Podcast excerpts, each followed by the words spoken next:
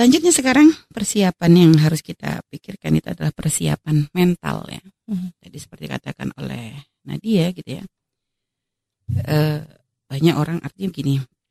Kita harus ya namanya mau memasuki pernikahan itu itu kita memang harus ada kesiapan dohir dan kesiapan batin. Yang berkaitan mental ini kita harus tahu yang namanya pernikahan itu kadang bukan sesuatu yang apa ya eh bukan sesuatu yang kadang kayaknya ya kalau sebelum orang sebelum nikah tuh membayangkan pernikahan tuh kayak indah semuanya. Mhm. Padahal di dalam pernikahan tuh ya namanya hidup tidak bisa semuanya indah. Ya. Nah sehingga kadang hayalan tentang hayalan ya harapan tentang kebahagiaan dalam pernikahan ini jangan sampai menjadikan kita lupa bahwasanya ya tadi kata pada sunnatullah yang berlaku bahwasanya apa pun yang kita pilih dalam hidup kita kita nggak akan Mhm. lepas dari yang namanya masalah kan gitu. Ya. Masuk TK ya ada tingkatan nanti ada proses ujiannya juga SD ya begitu SMP SMA kuliah memilih menjadi wanita karir semuanya ada resiko ya itu udah sunatullah kalau nggak pengen ada resiko ya mati husnul khotimah itu sudah aman itu pun kalau bisa jamin husnul khotimah Iya. kalau nggak jangan macam-macam ya artinya itu adalah resiko yang harus kita pikirkan gitu artinya bahwa ya kita tentu dalam pernikahan berharap bahwa nanti dari pernikahan kita kita akan mendapatkan kebahagiaan tapi jangan menafikan bahwa di situ tentu kita akan menemukan masalah Ya. jadi menyiapkan hati kita untuk hal tersebut ya Mhm. supaya jangan sampai yang di hayalan kita tuh indah aja. Khawatirnya kalau sudah kita terlalu berhayal tinggi dengan kebahagiaan, nanti kalau pengen menikah tuh begini begini, jangan jangan berhayal kayak di negeri dongeng kita ini. Yang semua maunya kita akan terpenuhi, Mhm. yang ini semua harus sesuai dengan ekspektasi kita, gitu harus sesuai dengan apa yang kita mau. Nah, ini kita nih di dunia nyata.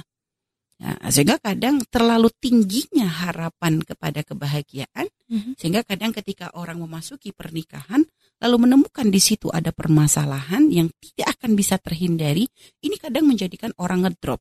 Hmm. Sehingga makanya subhanallah mungkin Nadia pernah dengar ya bahwa pro, dikatakan masa-masa tiga tahun awal pernikahan ini masa-masa yang rawan. Ya.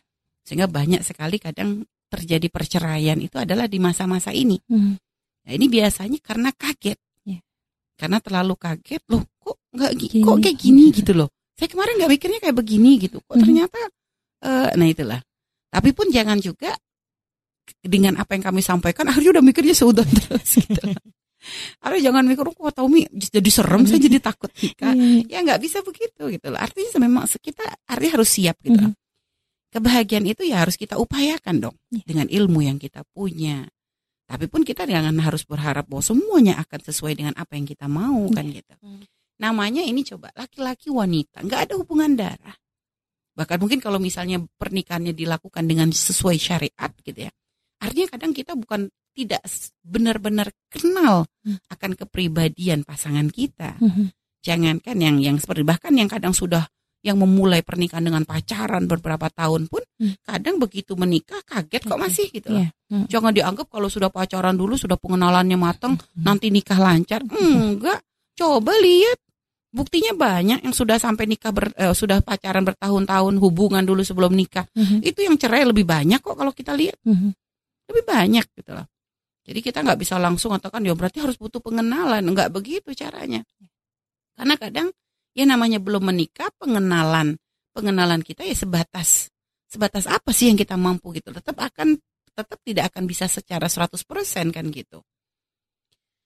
Eh, sehingga makanya perlu kita tuh belajar ilmu bagaimana cara kita untuk menata hati ya, untuk bisa menjadi bersikap dewasa. Mhm. Artinya sekarang sudah bukan waktunya main-main. Hmm. Kalau dulu kita sebagai wanita waktu di rumah mungkin Anda bolehlah bermanja-manja. Mungkin Anda menjadi anak yang mungkin disayang, apa mau apa yang Anda mau adalah ya akan dituruti, tapi ketika menjadi istri maka itu harus dihilangkan. Sifat-sifat buruk yang ada pada diri kita ini harus berubah. Jangan ya pokoknya kalau suamiku harus nerima apa adanya. Ya enak banget Anda ngomong begitu. Sedangkan Anda pun belum tentu bisa menerima dia apa adanya kan gitu. Artinya jangan menuntut orang harus memahami Anda, tapi belajarlah untuk bisa memahami orang lain. Ya. Terutama di sini adalah pasangan Anda. Mhm. Jadi jangan menuntut semua harus sesuai dengan mau Anda, tapi belajarlah untuk menerima dengan apa yang sudah ditentukan untuk Anda. Artinya ini belajar kita untuk melatih ego kita. Melatih, melatih ego kita yang kadang pengen menang sendiri, Mhm. yang kadang pengen ya pokoknya kita yang diprioritaskan itu. Itu sekarang dalam pernikahan itu harus dilawan. Mhm. Bahwa sekarang ternyata kita harus memprioritaskan pasangan kita.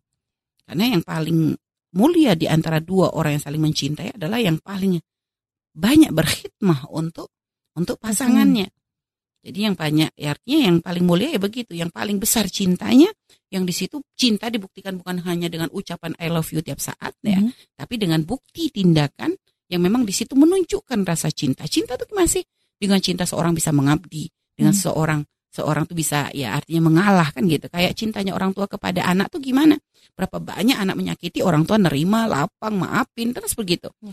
Nah, artinya itulah kalau di dalam pasangan ayo kita besarkan rasa cinta di hati kita bukan karena apa? Bukan karena dengan rasa cinta yang kita besarkan lalu kita menuntut pasangan kita nanti untuk mencintai, balas mencintai kita, bukan. Mhm. Tapi dengan itu kita akan semakin mudah untuk mengabdi Ya. karena di, di mana? Karena dengan pengabdian kita yang tulus itu mengundang rahmat Allah Subhanahu wa taala. Jadi itu kita yang harapkan itu adalah rahmat Allahnya ini loh. Ya. Pengabdian kita ini ada nilai. Nah, makanya ini kan harus benar-benar melawan ego. Hmm. Jadi dari sekarang tuh karena memang subhanallah unik ya Nadia ya dalam pernikahan tuh unik banget. Umi sendiri ya pengalaman pribadi gitu ya. Pengalaman pribadi Mhm.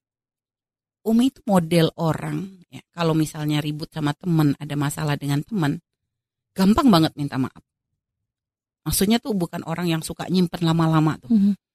Ya artinya dulu kalau ada masalah dengan temen, ya paling bertahu udah paling lama tuh sehari udah harus beres gitu. Gak suka kalau lama-lama. Mhm. Jadi kadang ya kita kalau bisa minta maaf langsung-langsung, kalau nggak pakai surat, intinya pokoknya harus beres gitu. Mhm. Gak mau, gak mau kalau berlarut-larut. Giliran nikah gitu ya. Minta maaf ke temen tuh gampang banget. Giliran nikah. Ya namanya nikah kan pasti kadang nemuin masalah, Mhm. begini Mhm. ribut. Ada lah aja waktu itu awal-awal juga kan. Ya masa-masa masih adaptasi gitu ya. Itu Masya Allah. Mau minta maaf sama suami itu kayaknya harus istikharah dulu deh. Bilang maaf itu mulut itu kayak ke kekunci gitu. Kok berat banget sih bilang? Sampai mau minta maaf kok susah sih? Kok gini sih gitu? Jadi kayak ego kita tuh, "Kok kan dia kan suami, dia kan harus ngalah. Kamu kan istri, kamu kan lebih muda, kamu kan jadi gitu. Hawa nafsu kita tuh kayak ngomporin kita nih untuknya kan jangan nanti kamu kalau kamu apa? Kalau kamu minta maaf nanti kamu tuh berarti yang salah kan gitu. Mhm. Padahal kan kamu kan nggak salah. Hawa nafsu itu masya Allah bisikinnya tuh luar biasa. Sampai kita tuh kok kayak gini ya? Kaget gitu. Dulu gitu, sebelum menikah. Kan kita waktu itu diaman, kita Hmm. masuk sakan ya asrama. Yang kadang kita itu kalau lagi eh, pengurus yang jaga asrama itu pulang, maka anak Indonesia waktu itu ya disuruh mengambil alih menghandle apa yang harus dilakukan misalnya masak apa Mhm. gitu ya. Mhm. Umi ini termasuk yang di sama teman-teman tuh dijadiin andalan tuh bagian masak gitu ya. Hmm. Jadi kalau ada masak dan dulu tuh masakin temen tuh enjoy aja gitu, bener enjoy banget. Kalaupun misalnya nggak ada yang bantuin, ada yang kadang tuh teman yang kadang suka hobinya ya cuma bagian makannya aja, bagian repot ya nggak ikut-ikutan, tiba-tiba giliran waktu makan nongol. Ada yang model begitu. Kita kan ada masalah gitu, nyantai aja gitu. Udah pokoknya masakin dah siapa yang mau makan senang aja. Mhm. Apalagi kalau mereka pada senang gitu tuh kayak bahagia gitu ya. Giliran nikah beda Nadia Masya Allah. giliran masak suami nggak mau bantuin misalnya suami nggak mau bantuin itu sebel banget gue nggak ngerti sih dari tadi kita repot dianya kok cuma ngeliatin aja dianya Allah Rabbi. Jadi segitunya hawa nafsu itu. Allah. padahal waktu itu suami nggak bantuin bukan karena apa mungkin ya nam- mungkin dia kepengen kita itu benar-benar hasil kita tanpa campur tangan. Mungkin kadang Mhm. mikirnya kan begitu. Cuma di otak kita tuh sudah nggak gitu. Di, mat- di ot- kadang suami maksudnya mungkin nggak bantuin karena memang ya itu tadi. Pengen kita bisa ber berkreasi se, seluas-luasnya. Artinya Mhm. memberi kesempatan kepada kita tuh benar-benar memberikan tapi gitu hawa nafsu kita tuh loh.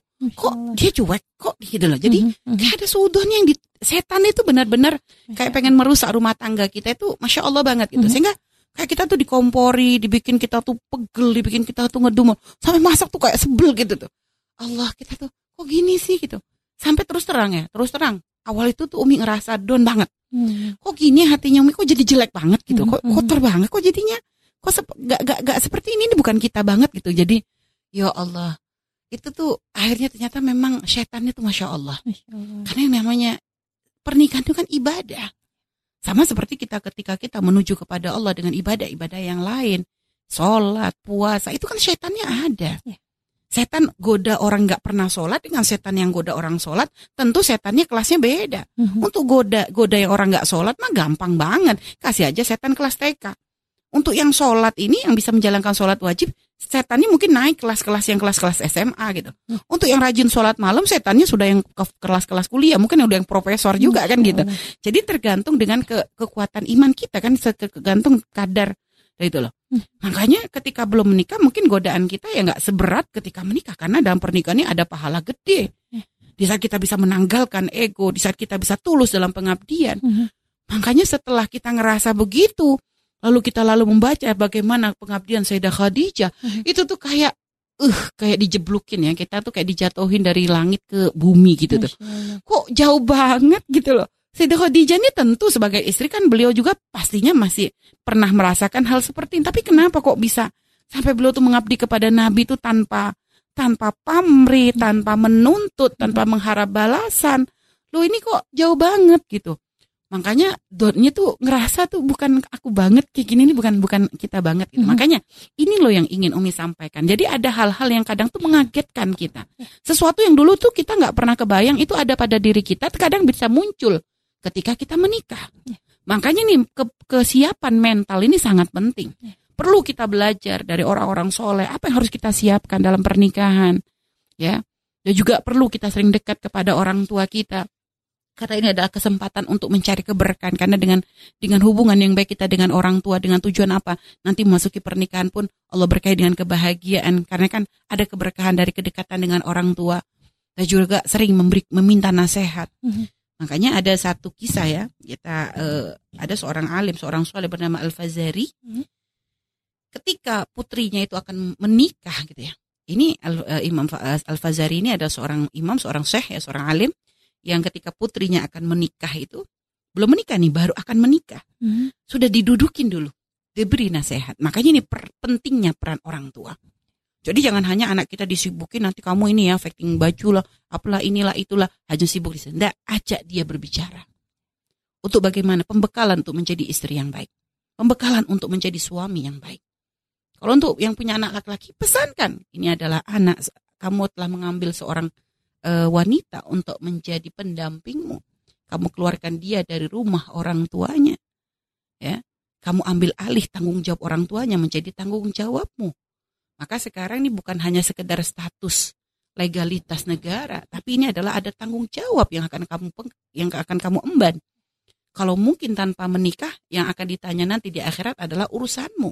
Tapi setelah menikah, nah ini misalnya anak laki-laki, urusanmu tidak hanya dirimu saja, ada istrimu yang akan ditanya oleh Allah. Bagaimana kamu mendidik dia? Bagaimana kamu menjadi imam baginya? Itu akan ditanyakan. Jadi orang tua memberikan pesan begitu dong. Jangan zalim kepada istri, jadilah suami yang tanggung jawab, jadilah suami begini. Gitu. Harusnya seorang tua begitu. Nah, kepada wanita pun hendaknya ya para orang tua pun berikan nasihat, Mhm. memberikan pendidikan kepada kepada anak-anak perempuan kita ini loh, Hmm. kesiapan. Jadi nanti berkaitan dengan masalah kesiapan keterampilan juga. Mhm. Ini nanti akan kita bahas apa saja sih yang hendaknya diperhatikan. Nah, ini Hmm. ini orang tua nggak bisa terlepas. Jadi dari sisi keterampilan ya, mungkin sekaligus saja ya kita bahas di sini aja ya dari keterampilan misalnya, Mhm. dari keterampilan memasak, keterampilan mengurus rumah. Misalnya ya artinya kan ini kan harus disiapin. Kalau nggak anak kita kaget, jangan disuruh dipaksa pasangannya harus terima apa adanya loh ya. Anakku nggak bisa masak, kamu terima loh ya.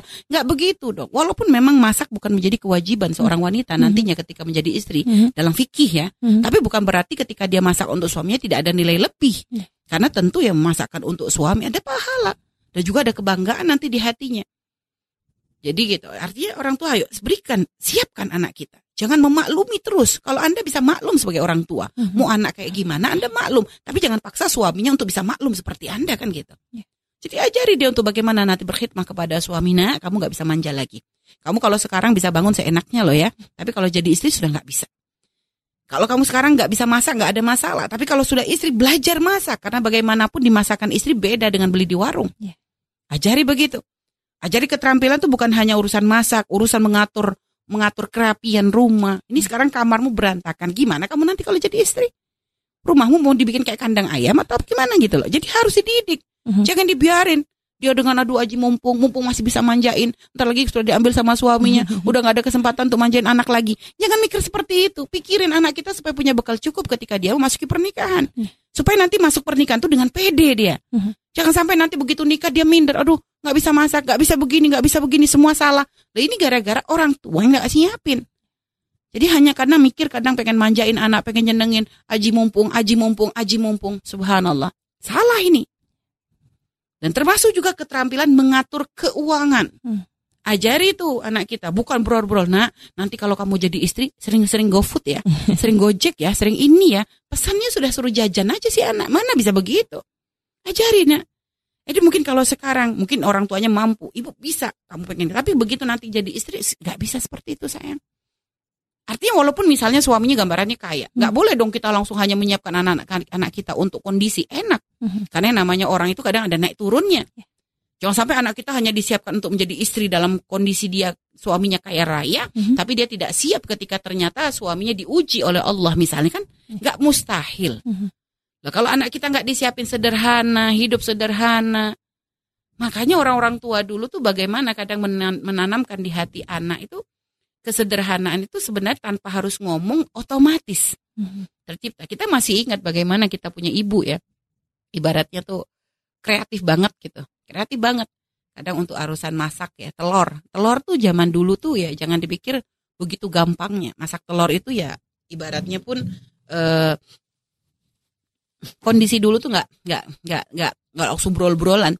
Sehingga dulu orang tua tuh saking Umi punya ibu tuh saking kreatifnya biar telur tuh cukup untuk anak-anak banyak gitu ya Mhm. telur dikit tapi cukup banyak Mhm. campur tepung karena itu kan tepung murah ya. Tepung murah diencerin gitu tepungnya baru nanti cemplungin telur. Nah itu jadi enak maka sampai sekarang nih. Umi nih masih ninggalin kebiasaan itu susah. Jadi kalau telur kadang lebih demen yang dikasih tepung karena Mhm. memang dari kecil dilatih gitu. Nah Umi termasuk yang bisa ngerasain waktu pas beras juga juga kan bukan bukan yang brol-brolan. Mhm. sehingga kadang ibu tuh kreatif. Ada saat kalau sudah beras lagi nipis itu dicampur dengan singkong yang dicacah begitu. Mhm. campur Masya singkong dicacah karena singkong kan di kebun banyak tuh. Mhm. nah ibu waktu itu tuh di sekeliling rumah tuh kebunnya tuh singkong. Mhm. jadi nanti dicacah dicampur dengan nasi supaya nanti kan jatah nasi berkurang. Masya Nah, jadi inget juga masak ayam dulu tuh ya. Ayam ayam kampung satu misalnya tapi untuk seorang serumah anak banyak. Mhm. sehingga nanti bumbunya yang dibanyakin. Bumbu dibanyakin jadi ayam kecil-kecil yang penting bumbunya banyak Iya, jadi diubek dengan nasinya. Jadi orang tua kita tuh lu kita akhirnya sekar akhirnya terbawa gitu loh. Untuk kita pun artinya nggak nggak nggak gimana gitu. Dan ini yang kadang sekarang anak-anak kita nggak merasakan itu semua. Anak kita sekarang mau bikin telur kadang sekali masak bagi tiga. Masya Allah. Endomie dua. Udah kita dulu Endomie tuh ya sampai eh, ingat makan mie gitu ya makan mie instan ya instan. mie instan gitu ya Eh, ini nyebut nyebut merek nih karena kebiasaan dari dulu tuh kan yang Iya. ter ini jadi kese- kepel- keceplosan ya Mhm. mie instan ya maksud kami mie instan itu tuh dulu itu ingat banget caranya supaya irit itu gimana mie-nya dua bungkus Mhm. tapi dimakan serumah jadi Mhm. kuahnya dibanyakin Mhm. tambahin garam habis itu nanti ada kerupuk mentah dulu tuh Hah? kerupuk mentah yang direbus lebih dulu Mhm. nanti dicemplungin tuh ke mie-nya tuh Oh, Masya Allah. Nah, kan Masya Allah kita tuh sampai dan itu enak banget gitu. Ternyata sekarang jadi menu Oh, seblak iya, ya. Masya Allah.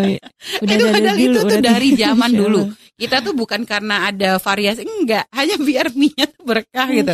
Karena kerupuk itu kan murah. Mhm. apalagi kerupuk-kerupuk bawang kayak ketinggi kan murah. Mhm. jadinya tuh dicampurin ke mie dengan kuah banyak nanti kasih cabe banyak. Itu tuh seger banget gitu loh. Jadi kita tuh dulu diajarin akhirnya makanya jadi- kadang anak-anak dulu gitu maksudnya yang dari didikan dari orang tua seperti itu kadang jadi kreatif Mhm. ada aja mau buang makanan mikir nih dulu kalau orang tua nggak ada istilah buang makanan Mhm. jadi kalau lagi hajatan kan melum lauk-lauk banyak macam-macam gitu tuh Wah ini kalau diangetin satu-satu ribut, Mhm. dicemplungin jadi satu katanya jadi. Masya Allah. kalau istilah orang Jawa tuh brandrang tuh makanan-makanan angetan. Mhm. Sebagian daerah nggak mau kayak begitu ya, pengennya kalau udah hasil sehari buang. Kalau di Jawa tuh nggak ada istilah brandrang tuh ngangetin, kadang dicemplungin ini cemplungin. Tapi rasanya masya Allah enak banget Masya gitu loh. Allah. Nah inilah artinya kadang perlu kreatif dan ini nih kadang keterampilan yang tidak diajarkan saat ini oleh orang tua kepada anak. Jadi nggak diajarkan orang tua kepada anak. Sehingga kadang ya itu anak taunya hidup enak saja. Kalau lapar langsung tinggal main aplikasi, pesan makanan lewat lewat lewat online kan Mhm. gitu ya. Nanti datang bayar kan begitu. Nah ini sekarang yang terjadi seperti itu. Nah makanya kita buat perubahan. Nah ini tadi kembali kepada pesan dari Al Fazari ya Hmm. kepada putrinya Mhm. ketika akan menikah ya. Beliau berkata kepada putrinya, "Wahai anakku, kamu ini akan keluar dari kehidupan ya. Di mana kamu tuh biasa sudah terbiasa untuk tinggal di situ Mhm. menuju ke sesuatu, menuju ke firash ya. Jadi kalau disebutnya tuh firash tuh ranjang ya. Mhm. Jadi kamu menjadi keluar dari sesuatu yang kamu tuh sudah kebiasaan kamar kita, Mhm. rumah gitu kan udah biasa. Menuju ke ranjang artinya maksudnya di sini ya maksudnya arahnya memang ya namanya nanti kan menikah itu kan mau tidak mau kita akan tinggal dengan suami Mhm. yang kamu tuh nggak pernah tahu sebelumnya. Artinya apa? Di sini pesannya kamu tentu akan merasa terasing nak, gitu lah. Maksudnya dipesenin gitu. Artinya jangan kaget Mhm. kalau tiba-tiba ada perasaan yang berbeda. Kok nggak kayak di rumah Mhm, gitu. ya. Ada mhm. ada rasa yang kadang ya pokoknya beda deh, pasti beda itu. Ngerasa ngerasa pertama kali ya namanya kayak kita pindah ke tempat yang pertama kali kan perlu adaptasi. Nah, Iya. ini nih jangan kaget. Wakarinin, jadi kamu akan berubah dari satu kehidupan yang sekarang kamu rasakan menuju ke ranjang yang kamu tuh nggak ngerti. Mhm. Begitu juga ke teman hidup yang kamu itu belum per, belum terbiasa dengannya. Hmm. Karena biasa dengan bapak ibunya, sekarang ganti dengan suaminya. Mhm. Tentu ada aturan beda dong. Hubungan ayah dengan ibu dengan anak beda dengan hubungan suami dengan istri. Ya. Maka fakuni lahu. Maka jadilah kamu wahai anakku bagi suamimu itu ardan bumi yakun laki samaan. Maka dia akan menjadi langit bagimu. Mhm. Ayo jadilah kamu ardon, kamu tuh ngasih nyapin lahannya gitu loh. Mhm. Suamimu jadi langitnya gitu loh. Jadi menjadi jadi maksudnya kesiapan kita itu loh. Artinya ini kan subhanallah nasihatnya ya. Mhm. Jadi nanti kami jelaskan ya di belakang. Wakunilahu mihadan yakun laki imadan. Jadilah kamu itu hamparan dan sehingga agar dia bisa menjadi sandaran bagimu. Tastani da ilaihi yang kamu tuh nanti akan bersandar padanya. Mhm. Wakuni lahu amatan yakun laki abdan. Jadilah kamu tuh seperti budak perempuan. Maka dia pun nanti akan menjadi abdan budak juga untukmu gitu lah. Setelah itu wala tulhi alaihi fi syai'in fayaklaki gitu kan. Dan janganlah kamu itu memaksa dia kepada sesuatu Mhm. yang nanti akan menjadikan dia tuh nggak nyaman denganmu. Jangan maksa kamu, jangan kamu tuh pengen dituruti, maksudnya maumu sehingga nanti tidak nyaman. Mhm. Wala taba'adi anhu fayansaki dan jangan menjauh dari suamimu itu, karena takut nanti dia akan melupakanmu. Nah, eh, inna anki biqabdin wahaibatin fab'adi anhu. Kalau nanti dia tuh ada saat mendekat kepadamu biqabdin dengan genggaman tangan ya. Wahaibatin dengan haibah maksudnya dengan ya haibah tuh kayak sebenarnya kayak wibawa ya. Berarti maksud di sini tuh apa? Fab'adi anhu menjauhlah dulu. Mhm. maksudnya apa? Ada masa ini nanti akan kami jelaskan ya. Mhm. wafadhi anfahu jaga hidungnya. Wasam'ahu jaga telinganya. Wa ainahu wa ainaihu jagalah matanya. Hmm. ya wala yashumu minka illa tiban jangan sampai suamimu mencium kecuali yang baik Mhm. wala yasma' minka illa hasanan jangan sampai suamimu mendengar kecuali yang baik wala yanzur minki wala wala yasma' minki illa hasanan jangan sampai mendengar kecuali yang baik wala yanzur minki illa jamilan dan jangan suami melihat kepadamu kecuali juga yang baik gitu. Mhm. Nah, maksudnya apa? Ini nih pesan luar biasa banget. Jadilah kamu bumi, nanti dia akan menjadi langitmu. Artinya, dalam hubungan suami istri, jangan kita menuntut suami terlebih dahulu, tapi kita yang yang mengalah gitu lah. Mhm. Artinya, dengan kita menyiapkan diri kita sebagai bumi bagi suami, maka suami akan menjadi langit bagi kita. Ketika kita menjadi hamparan, maka suami akan menjadi sandaran. Itulah. Lalu setelah itu apa? Ketika kita menjadi budak, artinya kita mengabdi kepada suami, maka Mhm. pun kita akan mendapatkan timbal balik dari itu semua. Nah ini sebenarnya orang tua apa eh, Imam Al Fazari ini mengajarkan anaknya makna pengabdian tanpa pamrih. Tapi nanti tentu yang namanya kebaikan itu akan ada buahnya. Mhm. Jadi apa yang kita tanam, yaitu yang akan kita panen kan gitu, Iya. akan kita tuai. Jadi seperti kita menanam kebaikan, ya Mhm. kan kita akan kembali kepada kita. Iya. Gitu loh. Jadi ini pendidikan maksudnya begitu. Jadi kamu tuh berbuat baik dulu. Jangan kamu tuh malah pengen dari awal pengen diladeni, pengen dimanjain, pengen begini, pengen itu, pengen hanya maunya kita terus. Lah Hmm. ini kan susah. Hmm. Jadi kita dulu beri apa yang kita mampu. Berikan apa yang kita bisa gitu loh. Nah, setelah itu nanti dari situlah kita akan mendapatkan timbal balik secara otomatis. Hmm. Jadi mengabdi dulu kepada suami, dari situ suami akan ada rasa syukur di hatinya kepada kita, akan pengabdian kita. Sudah itu kalau seandainya kamu tuh punya mau, jangan paksa suamimu. Kalaupun memang kita ada hajat yang kita inginkan dari suami, sampaikan dengan cara yang indah, bukan dengan cara tuntutan. Mas tolong anu boleh beliin ini ya, ini ya, aku aku tuh udah biasa kayak begini. Gak begitu caranya. Jadi ada cara yang indah bagaimana cara meminta suami, memaksa suami tanpa suami merasa bahwa dirinya terpaksa itu pin ilmu yang harus dipelajari. Ya. Cara berbicara yang benar. Nah, setelah itu apa? Wala tabaat. Jangan jangan menjauh, jangan membuat jarak. Belum apa-apa sudah pengen pisah kamar. Wah, ini gimana mau mau deket? Ya, itu loh. Jadi biasakan bersama gitu ya, satu kamar. Dan ini kadang penyakit ini biasanya muncul pisah kamar nih kalau sudah punya anak. Hmm. Ini banyak yang seperti itu. Jadi banyak orang nikah itu akhirnya menjadi jauh gara-gara suka pisah kamar tempat. Jangan dianggap remeh loh ya. Itu akan membuat jarak antara suami dengan istri. Hmm. Karena namanya hubungan suami istri diranjang itu bukan melulu urusan syahwat. Tapi ini masalah kedekatan. Ya, setelah itu apa? Inna anki bi bi qabdin bi qaib eh, bi qabdin. Jadi kalau sampai dia mendekat dengan tadi genggaman itu maksudnya apa? Kalau kamu tuh sudah merasa suami ini kayak ada hawa-hawa emosi. Hawa-hawa marah. Ya, sudah ada sesuatu yang kayaknya itu kamu jangan jangan malah ngomporin. Hmm. Ayo kamu menjauh sedikit. Artinya maksudnya apa? Jangan jangan malah memancing, menjauh sedikit supaya dia tenang terlebih dahulu. Jadi kalau lihat suami sudah mukanya nggak enak, boleh kalau kita pun bisa ngomong dengan dengan kelembutan. Tapi ha- kita harus siap. Kadang biasanya responnya mungkin tetap ya nama orang emosi kadang Hmm. udah diam kamu kan gitu biasa gitu. Udah jangan tanya. Biasa kan seperti itu. Maka kita harus anu. Kenapa? Khawatir kalau kitanya nggak siap hati, nanti kita tersinggung dengan itu. Akhirnya awalnya kan kita ngomong lembut nih. Cobalah sekarang Umi ngelihat Nadia lagi wajahnya udah emosi nih. Hmm. Nah, setelah itu apa? Umi langsung manjang. Ah, ada apa sih Nadia? Eh, cerita dong gitu kan. Kadang kalau orang lagi emosi itu kan nggak suka malah begitu. Dia Hmm. malah udah udah diam aja Hmm. gitu kan gitu.